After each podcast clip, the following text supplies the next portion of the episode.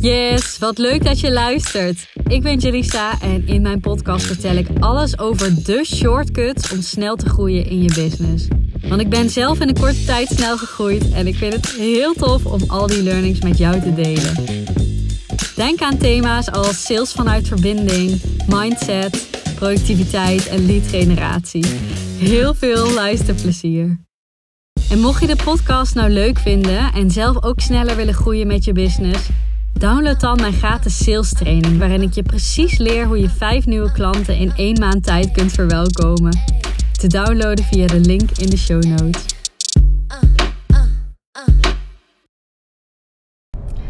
Ja, de kracht van een keuze maken, dat is echt bizar. En nu denk je, ja, uh, dit is echt niks nieuws voor mij, Jalies. Ik weet het al. I know, I know. Maar toch doen we het heel vaak uh, niet. Maken we geen keuze. En um, ja, dat, dat merk ik soms bij mezelf op. Dat merk ik soms bij mijn klanten op. Uh, zeker de klanten die uh, misschien herken je daarin, die het gewoon heel graag goed willen doen. Hè? Een tikje perfectionistisch zijn, die gewoon wat moois in de wereld willen zetten. En dan gewoon willen hè, dat het van goede kwaliteit is. Denk aan je website moet perfect, je foto's moeten perfect, je posts moeten perfect. Nou, dat soort dingen. En soms is het zo dat we ergens heel lang over nadenken, over twijfelen. Wat is de juiste zin? Wat is de juiste foto? En wat echt zoveel impact voor mij heeft gemaakt de laatste. Nou ja, ik denk dat ik het laatste jaar pas daar echt heel goed in geworden ben. Daarvoor uh, deed ik een poging, maar ja, was ik echt nog niet zo snel hierin als dat ik zou willen. Um, maar ik ben echt gewoon snel keuzes gaan maken. En ja, enerzijds gebruik ik daarbij echt al mijn verstand. Oké, uh, welke zin uh, voelt kloppender? Welke zin zou mijn doelgroep meer aanspreken? Weet je wel, dat soort vragen. Als ik het even heb over tekst.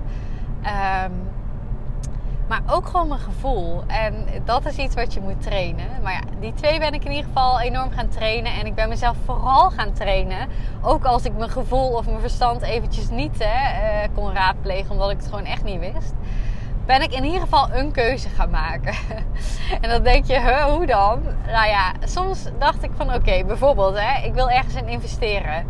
Ik heb geen idee wat de goede keuze is. En iets, daar zou ik dan, vorig jaar zou ik daardoor tot stilstand komen. Zou ik gaan overwegen, wat is de goede keuze? Ja, ik weet nog niet waar ik wil investeren. Wil ik een coach of wil ik een website? Even als voorbeeld. Dus eigenlijk doe maar even niks. En dit is wat er gewoon heel vaak gebeurt in ons brein. Want door keuzestress gaan we gewoon bevriezen. Want ja, wat moet je dan kiezen? En we zijn bang om het foute te kiezen. Dus dan kunnen we maar beter geen keuze maken, denken we. En wat ik dus heb ondervonden, en dit is dus ook een kwestie van jezelf trainen en gedragsverandering toepassen.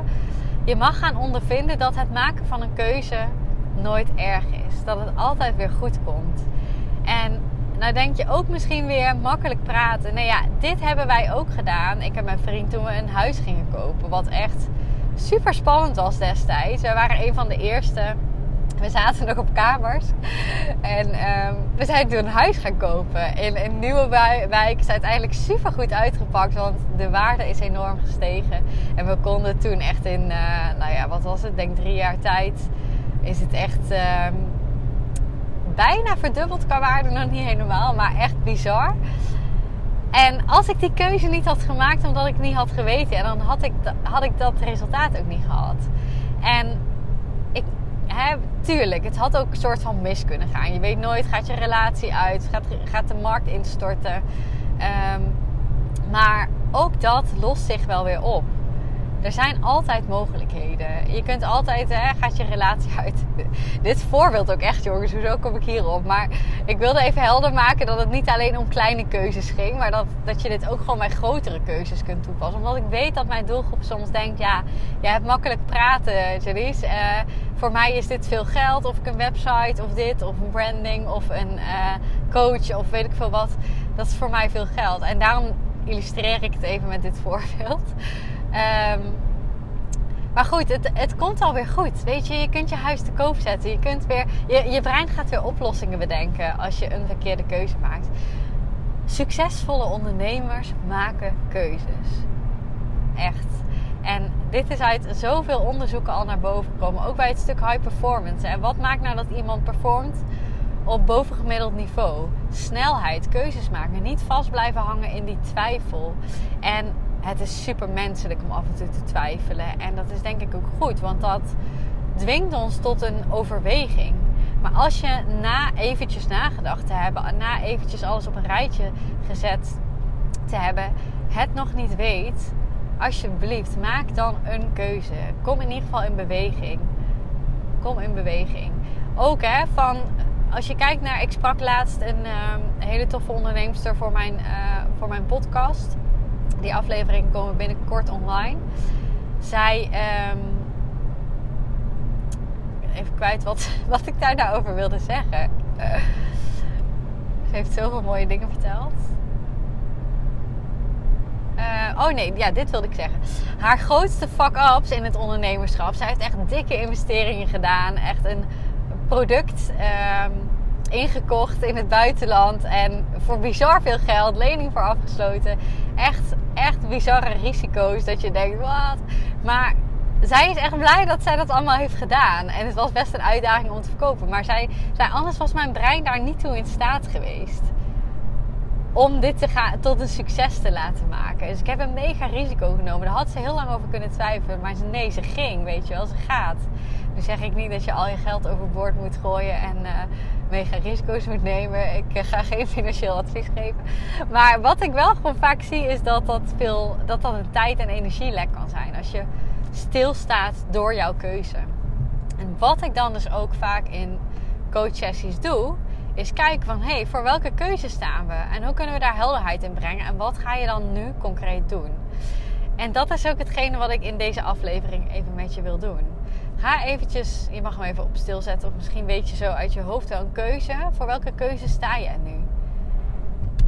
Voor welke keuze sta je nu?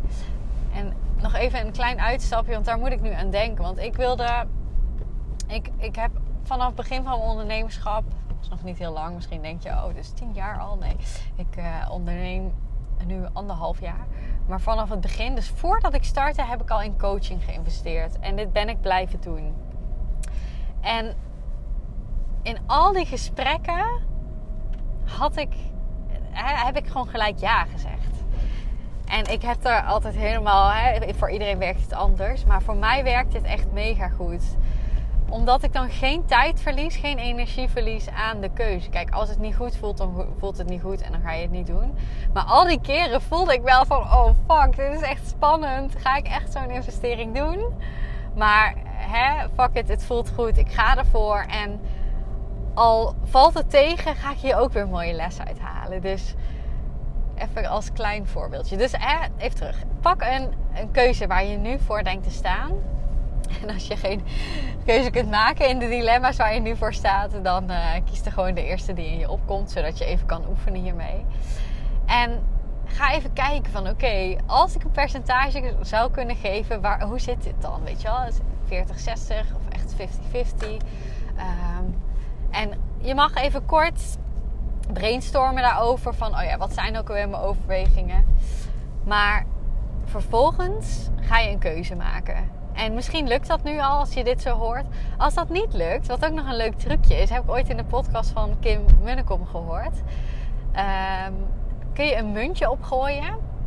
Dus je zegt van hé, hey, als het kop is, dan, dan zeg ik ja tegen deze keuze. Bijvoorbeeld investering in coaching. En als het munt is, zeg ik nee. Nou, eigenlijk doet het dan niet eens zoveel toe hè, of dan kop of munt is. Maar stel je gooit kop en je allereerste pure emotie is blijdschap. Nou, dan weet je, oké, ik ga dit doen. Ik, uh, ik, ik ga ervoor. Ik zit ondertussen, volgens mij ben ik helemaal verdwaald, jongens. Ik zit in een nieuwbouwwijk te rijden. Oh nee, volgens mij gaat het wel goed. Nou ja, als het dus kop is en je allereerste pure emotie is blijdschap, dan weet je dat dit de goede keuze is. Go for it. Want zo kom je dichter bij je intuïtie. Is je allereerste pure emotie teleurstelling? Dan heb je nog even een stap te gaan. Dan ga je checken van, hey, is dit gewoon angst wat ik voel? Of is dit, ehm, is dit hè, het voelt gewoon niet goed. Meestal voel je dat verschil wel. Ehm, en dan kun je ook je keuze maken. En oh, ik weet dat het spannend is, maar ga iets kiezen na deze aflevering. Echt. Promise me. Dit gaat echt gewoon veel opleveren voor je. Dit gaat gewoon veel impact maken. Dit gaat gewoon veel doen. En laat me even weten of we een deal hebben. En ik vind het ook ontzettend leuk om te horen van je welke keuze je gemaakt hebt. Doei doei, tot de volgende.